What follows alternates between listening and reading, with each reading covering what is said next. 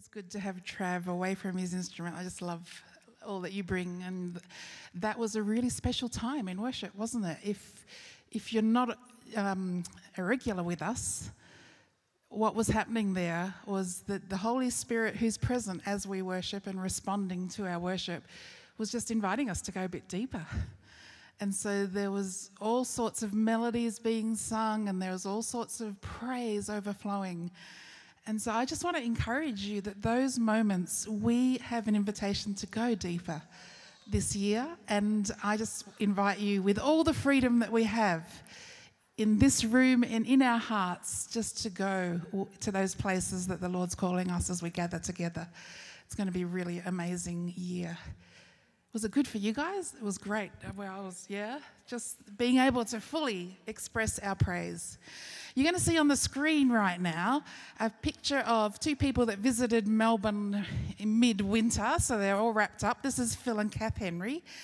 And last year, they finished as founders of a vineyard church in Sydney that they um, have been pastoring for many years. And they are currently in a space where they had an idea uh, that they no longer have any uh, formal roles in Sydney holding them down. And so they said, hey, Di, what if we came and hung out with the Yarra Valley Vineyard? And they're calling it their gap year. How cool is that? Oh my gosh, you're going to love them. And so I just got super excited because these guys have been part of the Vineyard family in Australia for decades and they want to come and hang out with us and just invest with, uh, it with us. You'll hear some messages from them on Sundays over February and March when they're with us. They'll be also visiting some other Victorian vineyards, which will be wonderful. And mostly they're going to just hang out with us. And they're driving down next Saturday to be here for our church family Sunday. So, how cool is that? That we'll be able to just over a cuppa gather around and just say welcome, to give them a warm welcome, and then see what the Lord's inviting us into through their presence with us. How cool is that? I'll tell them you're happy. That's good. Pray for them so as they drive down. So they've they've moved out of their home in Sydney and they are literally renting a home here for 2 months. It's a new season, guys. Gap years for the retired. I love it. I love it. Now, I'm a little bit excited about this message that I'm going to be sharing today, and it's going to feel really conversational. And so it's summer series. I hope you're okay with that. And if I was to say one thing to anyone who's we've got a teenager, yeah, teenagers right through to our retirees, those that are enjoying a different pace, here's one solid block that I would hope has clicked in for you. And if not, that you are pursuing it. And it is this in our life of faith, following Jesus, wherever you are in your journey, you don't have to know a lot of things for your life to make a difference. You don't have to know a lot of things for your life to make a difference and count.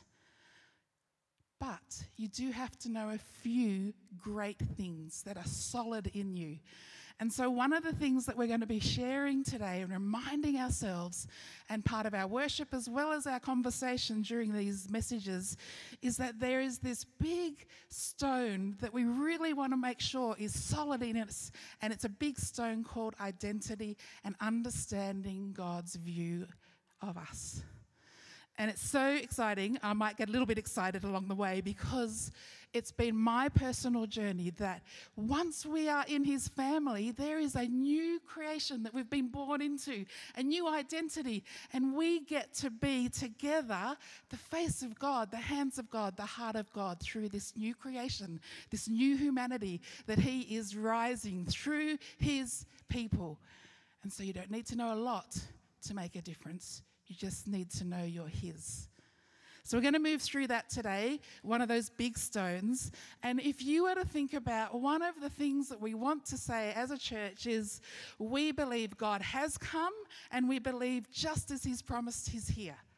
And so, whatever we're doing amongst our activity together during the week or whether we gather on Sundays, we believe God has come as He promised and He's here right now. And knowing Him and knowing who He is and knowing whose we are means that we have an opportunity to make a difference in this world and make your life count. So, this great and holy God that we were singing today about today and singing to today, He wants to be known personally. Truly, He wants to be known and He wants to be treasured by all of humanity. And so when we're talking about identity, we're saying it's this creator God who created us. He wants to be known and he wants to be treasured. And so that's our theme for today.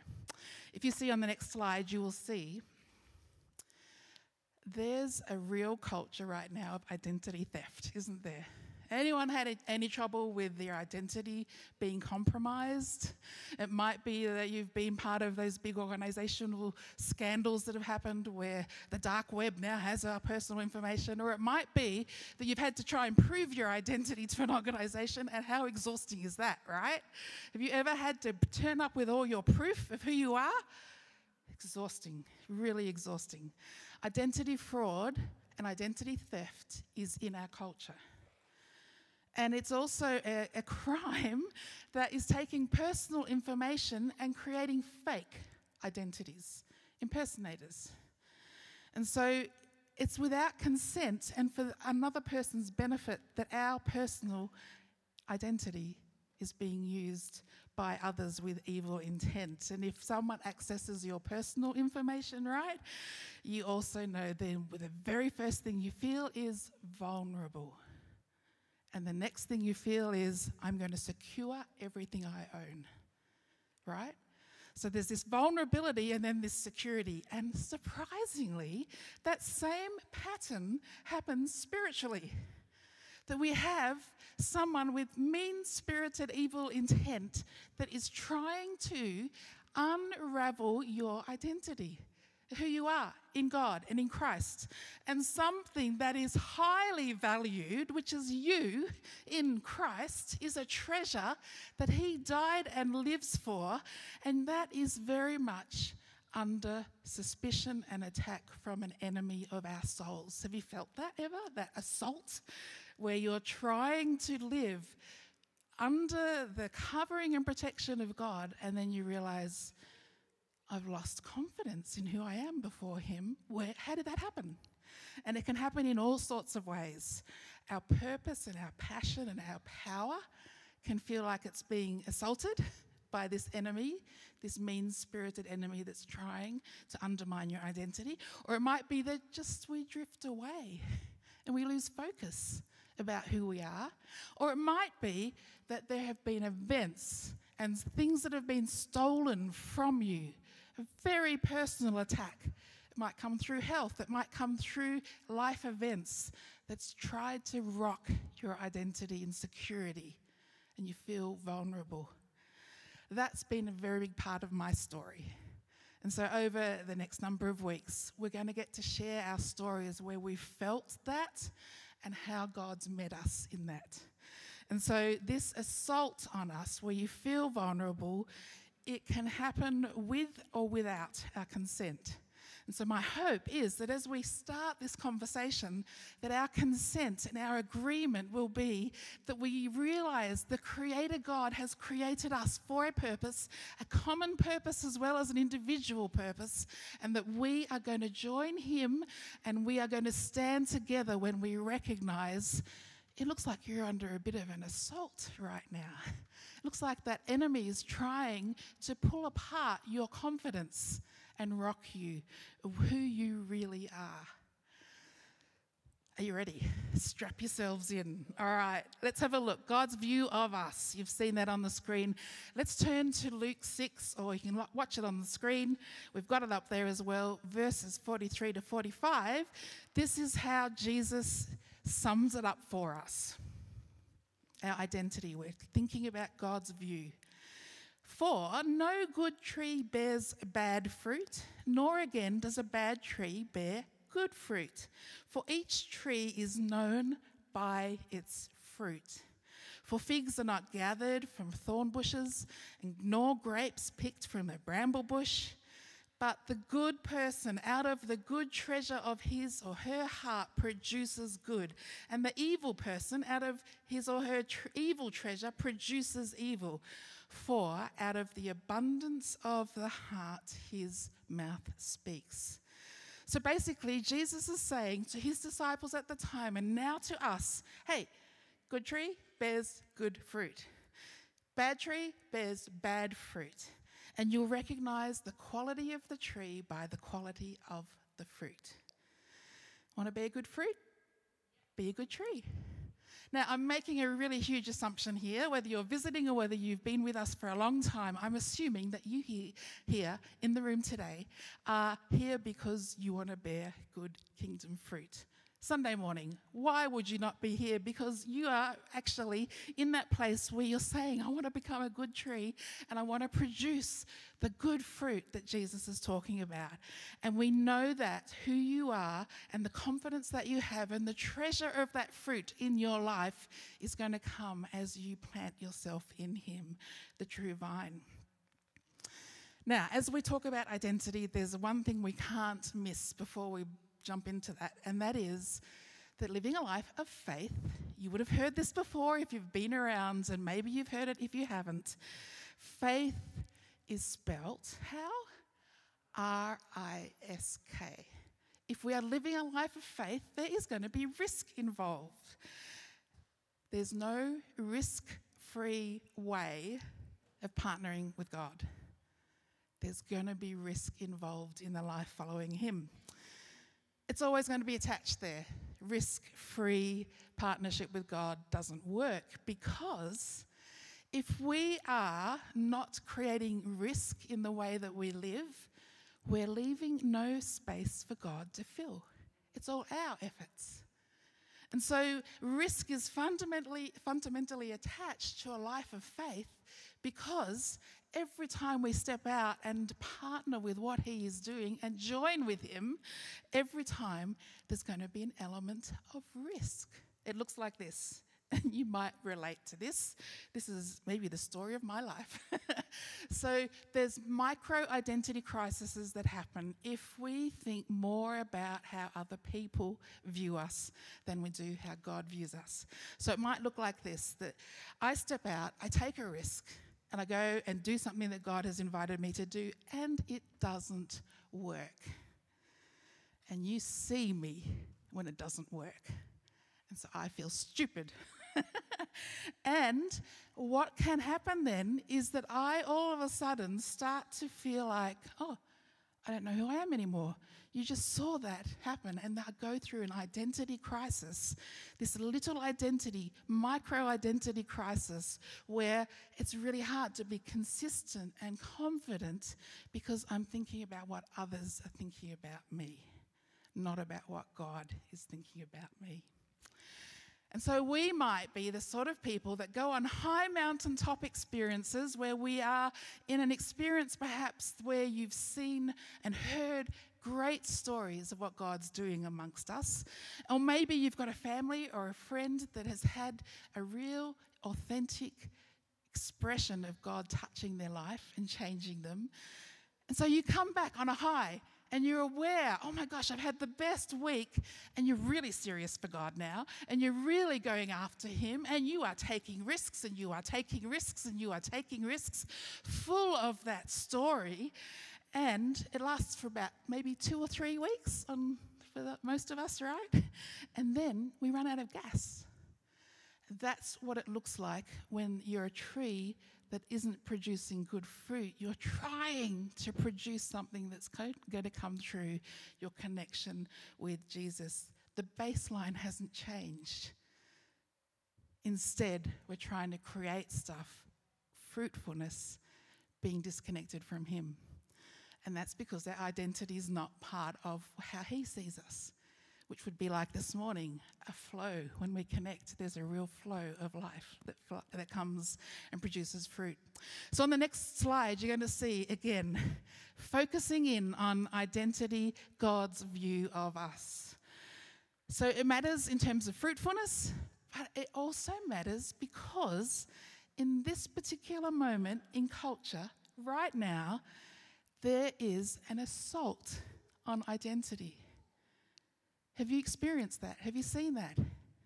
And so, all around us, there are these loud volumes of conversation and invitation to join in understanding what identity means for people in all sorts of areas of life. And what's the problem with that? The cultural story is not receiving a biblical viewpoint because the Christians are getting shut down or we're not standing up. And so, part of the importance of this whole thing of understanding we are the created, the Creator God is still creating a new creation through us. We have to push back against the cultural story by just producing fruitfulness as well as producing a biblical narrative. This is what we believe. God has come as He promised. This is what we believe. Jesus is here now doing things, and He is also restoring humanity to what humanity was originally designed for. So, this is why it's important, and it really, really matters. And out there, we will find people trying to find their identity, and maybe you're the same, that you've seen this or experienced this, trying to find your identity by looking inside who you are. And the unfortunate part of that is that you be you and you do you means we're only getting our own perspective. We're not getting the perspective from the one that made us and designed us to be in relationship with Him and others. So while I don't necessarily disagree with you be you, you do you, I want to see that. I want to see your uniqueness. I want to see your identity and all that you're created to be. But let it come from the source of Him telling you who you are and why you're here and what your purpose is. So let's have a look at 2 Corinthians 4, where Paul's writing about a viewpoint on how to see these cultural stories that are coming to us and he's saying in 2 Corinthians 4, verses 16 to 18, that there are things that are seen that are transient and fleeting, and there are things that are everlasting and durable, which is what God's wanting us to focus on. So it says, So we do not lose heart. Though our outer self is wasting away, our inner self is being renewed day by day. For this light and momentary affliction is preparing us an eternal weight of glory beyond all comprehension. That says he's preparing for us an eternal weight of glory beyond all comparison. And as we look not to the things that are seen, but to the things that are unseen, things that are seen are transient, and things that are unseen are eternal. So, there's nothing wrong with this world. This world is part of God's creation, but we also need to bring the resonance, the resonance with His word that's saying there's things here that are going to be fleeting. Don't chase after them. And there are things that are going to be everlasting. Fix your eyes on those. That's our narrative. So, to talk about identity, we also need to look at two words which you may have heard many sermons about, or you may have heard many Christians talk about these two words pride and humility. Has anyone heard a, a, few sermons on those? I have, yeah? The Bible says a lot about pride and humility. And so, unfortunately, there's some unhelpful ways of talking about that as Christians. And, I, they're a little bit un, inaccurate, I believe. So, I just want to give another framing for how we view pride and humility. And so, a lot of us would think that pride is when we're thinking too well of ourselves, right? Full of it, right? That's how we'd say it.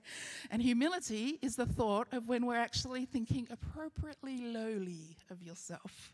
Yeah?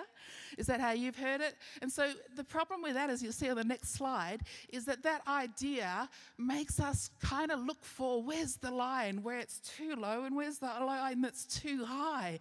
And so if you're not, if you're not thinking low of yourself, that's probably good. You're under the line. But if you're above the line and too high, and as Australians we call it tall poppy syndrome, will cut you down because you're thinking in a prideful way. And so we don't want to be prideful. And so what we do unintentionally and with this unhelpful de- definition I know because I've tried it out. You try really, really hard to stay under that line in a humble way, thinking lowly of yourself. And whatever you believe about yourself, if you measure it too high or too low, that's when that enemy, that theft, that guy that's looking, the, the, the spirit, mean spirited force that comes into our lives, when we think so lowly of ourselves, or even high, he will come in and say very quickly, with his lies, he will say, You're thinking of yourself too high. So we go down lower and we think lower of ourselves and lower and lower and lower until we can get to that point where we actually hate who we are. We may not use those words, but that's what we're saying. Oh, I've got to keep myself hidden and lowly so, the bigger idea that I want us to carry through these conversations is not thinking about the essence of pride and humility to do with whether you think you're good enough or where you'd place yourself in that box. Rather, I want us to think about where you are in relationship with God and how He sees you and who He is to you. Because if you sit with that view, you're going to have pride not fully understanding that He is the potter and I am the clay.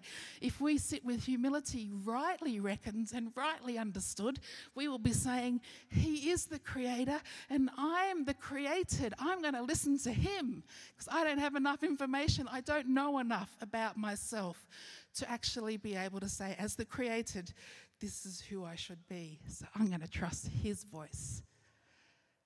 It's a quite a different but small change, right? Humility, trusting Him, and then rising to the point of where He's calling you to be and who you're called to be through Him. So we're going to start there, and He is a creator. We are the created, and He's the source that we're listening to, and He's the source we're being guided by. Let's bring this a little bit practical, all right? Hands up if you are an artist in some way. We've got a lot of, yeah, a lot of confident artists. Awesome. Awesome. This is great. Look around. If you need a painting or whatever, you've got creative people sitting right near you. Awesome. Let's say, since you're the closest, Annalise, she's even so creative. She's got a, a whole YouTube channel, right? About some of your creations. Do you mind if I just pick on you for a bit? All right. so let's say this artist, Annalise, is let's say she's created a painting. In fact, you've done a lot of nature kind of paintings, yeah? So let's just say it's the painting that's got sea, ocean, ocean, land, and the sun.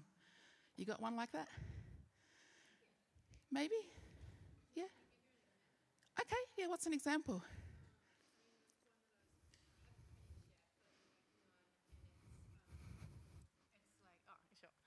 I have this painting that I haven't finished yet, but I've been working on, and it's just inspired by like the very first verses in Genesis because I just love the verses. And it's talking about the earth was like formless and deep, and God's spirit was hovering over the waters. So, yeah. really abstract sort of thing to try and capture. Yeah. Um, but yeah, so it's just sort of a picture of that, if you can imagine that. Yeah. Okay, you got that in your mind? All right, so we're talking about that picture, abstract but also got immense meaning coming from Genesis. Great, really tying into a theme here. I like it. I like it. And so let's imagine Annalise is having an art exhibition, and I'm there talking to her about this particular painting.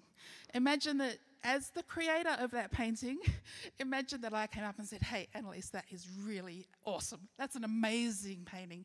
I really love it. I like what you've done there. Oh my gosh, is that in there? Imagine I said, If that was the moon, but she'd painted the sun.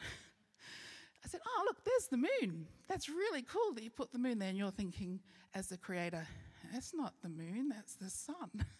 Imagine if I then continued to interpret her painting in a way that was not meant to be her purpose. Imagine that I reinterpreted it so much that I'm trying to change her opinion of what she painted. Can you imagine that? Ridiculous, right? She's just given us a really good description of what her painting looks like. She's the creator. I've got no right to come along and misunderstood what misunderstand and reinterpret it and say this is what you painted. That's what it's like when we talk to God sometimes, right?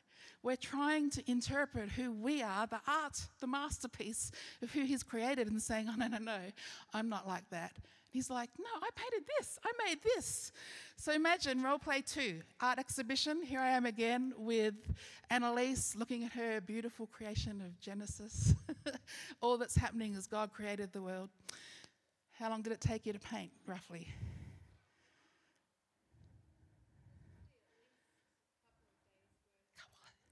Couple of days to paint this painting. So she's invested. She spent hours on this. And she obviously likes to do this, create. She's a creator, she's an artist. Imagine if I said to her, Oh, you're so cool. I follow your YouTube channel. You're amazing what you create, but you're cool. I just don't like your paintings. Imagine how she'd feel if I said, I like who you are, but I don't like the things that you're creating. Not very encouraging, right? We do that as well with God at times. God, you're good, but not so sure about whatever it is that we're having trouble with. So imagine, Annalise you're being very patient with me here. Imagine again, we come with your painting, and instead, I come wanting to praise the Creator. Imagine I'm wanting to praise the artist. And my very best way of doing that is by saying, not only are you amazing, but I can actually see you in the painting. I can actually see your personality and who you are and your nature. And it's about Genesis, so it's really easy for me to say that. But she is then super encouraged because I'm praising the Creator for all that's flowing through that I can recognize that's part of the created. Let's just say thank you to Annalise with a clap. I can't wait to see that painting. so, as artists, you would understand that. Anyone that's creating anything, you'd understand how it feels if someone values you as a person but doesn't like the stuff that you've created. Your identity is wrapped around a God that thinks you are his workmanship, a God that thinks you are created by Him in Christ. And He thinks it's for good works. And He's telling us you are His masterpiece. You are His masterpiece. And you're also recognizing He's the artist and you're the artwork. So that's where we're going with our sense of humility. Humility is, you'll see on the slide, when I submit to the artist, the creator's definition of me when I receive his view of who I am and whose I am. And it was interesting as we were singing today, there was uh, somewhere over here, someone was voicing, We receive who you are and we receive who we are. They were actually voicing that today. The Spirit was already outpouring with this theme for us that we are to submit to His definition, which is amazing, of who you are, and we are to receive His view of who we are. So we're going to be exploring that. We're going to be doing that over a number of different ways. And in term two, just since um, Annalise has brought that up, we're going to dig into Genesis. And we've got Adam and we've got Ben already starting to think about that text. We really want to understand it and know how to respond to the big biblical story because we've seen that we are in a story where from creation to new creation, we want to know what happened at the original part. And what's that text say to the, the readers in those days that we now can receive as truth of the big story that we're in? So we did Revelation term two last year, and this year we're doing the start, Genesis. So, yay, Ben, yay, Adam, keep chatting, keep digging in. We're looking forward to that. And if you know people that that's a big question for them, term two would be great to come and just work through Genesis with us and the big story of God. Obviously, we won't be doing in depth, but we'll be doing enough about how to read that well. Would that be a good way to describe it? Yeah. so, we often don't see ourselves completely and we, uh, hands up, who has learnt something new about yourself in the last year? Something you didn't realize was true of you. Yeah, yeah. We're constantly learning, aren't we? Look at all those hands. We're learning that, but we're also learning that some of the things that pop out of us, we realize, oh, I didn't even think that was inside me. Or we're learning about things that are causing responses that we didn't even recognize. And that's part of us seeing there's new things for us to learn. And as we get a perspective interpreting the new things we're learning, we have to come back to the Lord and say, where does that fit in in how you see me? Where does that fit in in your view for me? Because I don't, I'm not even who I think I am. Say that to yourself. I'm not even who I think I am. I'm who God views me as. And I haven't discovered that fully. I wonder if you have. Are you on a journey with me? So let's have a look just at these last little statements to make it really simple. Number one, this is something you can receive. You are who He says you are. All right? You can agree with that? All right, say that to the person next to you. Take, take, take a moment. Now, he's not wrong about that. He created you. It's like Annalise. She, she's not wrong about her painting. He's not confused about who you are. You are who he says you are. And he's not mistaken in any way with who you are. Let's make it even more personal with number two here. So I'm not even who I think I am, but I am who he says I am. Say that to the person next to you.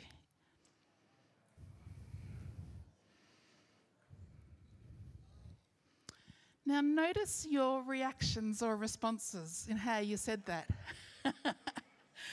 I am who I say I am who he says I am. How did that make you feel? Was that something that resonates with you, or is that something that you're like, not sure? It's okay. We're going to see that there's going to be little things along the way that you just have to pay attention to. Is that a truth for you? And then let me say this. There's the last little statement. You're not what others say you are, and you're not even who you what you think you are. You're not what others say you are, but we do enjoy encouragement, but you're not defined by what others say you are. Because that's going to lead you to many little identity crises every time. But you're defined by who God says you are. Now, uh, don't, let, don't hear me say that we don't want encouragement we want people to reflect back to us who God has said you are through their words. And often we call that prophetic encouragement, don't we? Where we see, oh, God's saying this about you. And maybe it's news to me that you're bringing God's view to me. Or maybe it's confirming, oh, yeah, that's great that you're saying that because God's been speaking to me about that. So we want prophetic encouragement, but we don't want judgment about who others say we are. So we are in a place where we get to choose to come and submit humbly with his view of us. And we're also in a place that once we've got that solid in us, we're then also able to help others in that journey to find out who they are in God. And so, what would we do? We would come to Him, we would say, You know what? You are the potter, and I am the clay. God, you say who I am. And so, Lord, I want to hear your voice, and I want to know more about what you say about me. And so, just for these next few weeks, we're going to be just digging into that a bit more. This is just a conversation we're opening up, and we're going to recognize that sometimes we're recognizing that what we think about ourselves doesn't actually agree with what he's said. And so you might want to have a look at uh, the next slide that says how Jesus heard the Father speak in his baptism. So his identity, God's view, came to him while he was being baptized. So there's a surrender. And as he was being as he was being baptized, in came, broken through all that through from heaven to earth came the voice saying, "You are my beloved son, and with you I am well pleased." That was a defining identity statement that the father was giving to his son, and others heard it. And so we are expecting that during this time, you're going to have defining moments where you're going to understand and hear and receive new and perhaps reaffirming, defining moments where God's speaking to you about who you are.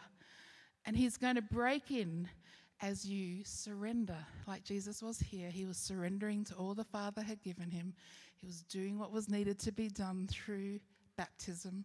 So as we surrender, we can expect the Father's going to speak over your life. And you'll see in this next slide that perhaps you already have that defining moment where you've got a primary word that God has spoken over you or somehow delivered to you. It might be through a song, through scripture, it might be through different ways that's going to be unique to you. But it's a word that you know has defined you from the Father's view. And if you've got one of those, I would encourage you to pull them out this week. Review them. If you haven't done that for a while, review them. So let's read Timothy. This is what happened for Timothy. Timothy had a grandmother that was praying for him. Anyone had a grandmother that's prayed for you? Yeah? Some of you? Any had a grandparent praying for you? How about parents, teachers that you know have prayed for you? Anyone else? Yeah? So those prayers are really important on the identity journey. And so Timothy had a grandmother that was praying and also had all these elders that came around, and Paul was one of them. And they laid hands on and gave prophecy to him, a defining word about how God was seeing him. And this is what um, Paul was saying to Timothy Timothy, this is the command I entrust to you Timothy, my son, in accordance with the prophecies previously made concerning you, that by them you fight the good fight, holding on to faith and a good conscience, and which some have rejected, and thereby shipwrecked their face, face, their faith. shipwrecked their faith, editing out. She's going to leave it there. Thank you. shipwrecked to their face. shipwrecked. We get shipwrecked if there's an assault that's coming and we don't have that primary definition of who we are, that identity solid, that core understanding of how God views you. Paul's saying here, people get shipwrecked with that assault. And we're saying we know we've seen that, haven't we, even in our day? In their faces, yeah. Let's carry this through, shall we? so, just if you're brave enough, is there anyone here that doesn't feel like they've had that defining moment and would like to be seeing a defining moment? So, you haven't ever had that sense of, I've got a defining word over my life. Anyone brave enough to put their hand up and just say, Yep, I'd like that? Yeah, great. Cool. So, this is a couple of you. Well done. Anyone else? Yeah, cool. Here's what I want to say to you there is going to be a defining moment where the Father's going to break in to your life and He's going to not break in like assault. He's going to break in, break through. that might be a better word. I need to stop talking soon. Going to break into your world and give you a defining word about how He sees you. And He's done that for all these people here because they didn't put their hands up. And so we're assuming that they've got that. And we're believing you're going to get that as well. We can't wait to hear how that comes for you. And we hope that we might be a part of that because we need words to hold on to, to fight in this culture, in this biblical big story that we are believing and living, right? So you can, f- when we um, do training with prophetic words, we actually say that it's like you take them to the gym and you get them to work, exercise them and so it might mean that taking them to the gym for you would look like taking them to the gym and make sure you have them in your ears and you listen to them. Or it might mean that you put them on your mirror and when you're brushing your teeth, you're saying, Holy Spirit, this is what you have said about me. The Father says this about me. And you're exercising them with your faith and believing them.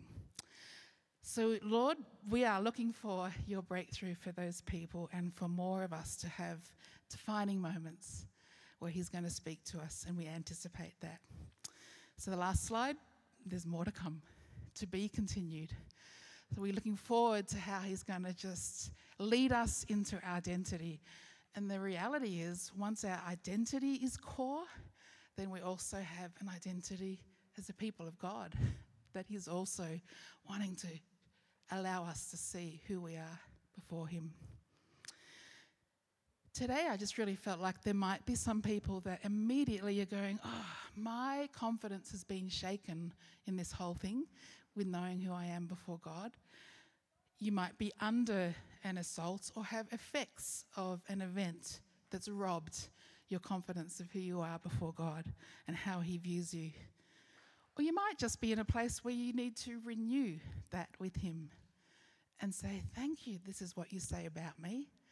And with thankfulness, bring that back to Him through prayer. Or it might be that some of you have literally felt like that your identity has been stolen. Someone else has changed how you see yourself, stolen by someone else.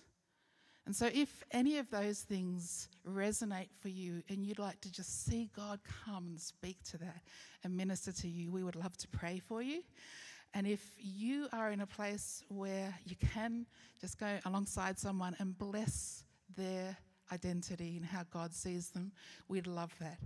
So, all, of, all that we do when we pray for one another is we're looking for what God's saying, what is He doing, we're taking a risk, and we're stepping in with Him and asking Him to do what He's doing in their life already. And we bless that. We're not there to tell our story, we're not there to share all the things that we know. We're not there to do that. We're there to bless what He's doing when we pray for people here. And so that needs to be a safe place. And if I just need to say, start of the year again, if you ever have an experience here where someone's prayed for you and it's rattled you and you're not sure what to do with it, if you know that person, go and talk to them. If you don't know them so well, come and talk to one of us and let us debrief that with you.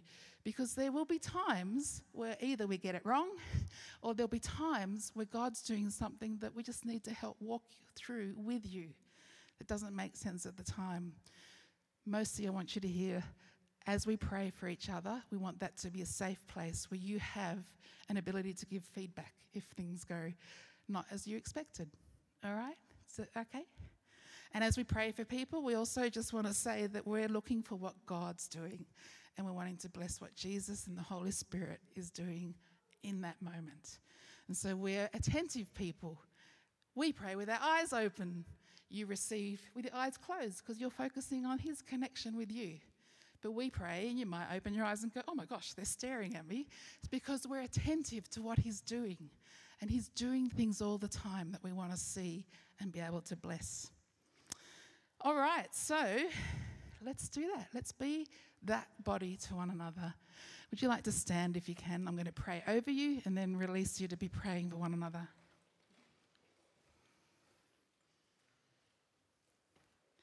You might like to put your hand on your heart or somewhere that's going to sense, help you sense that God's actually speaking to you. Just going to take a drink. Thank you, Holy Spirit.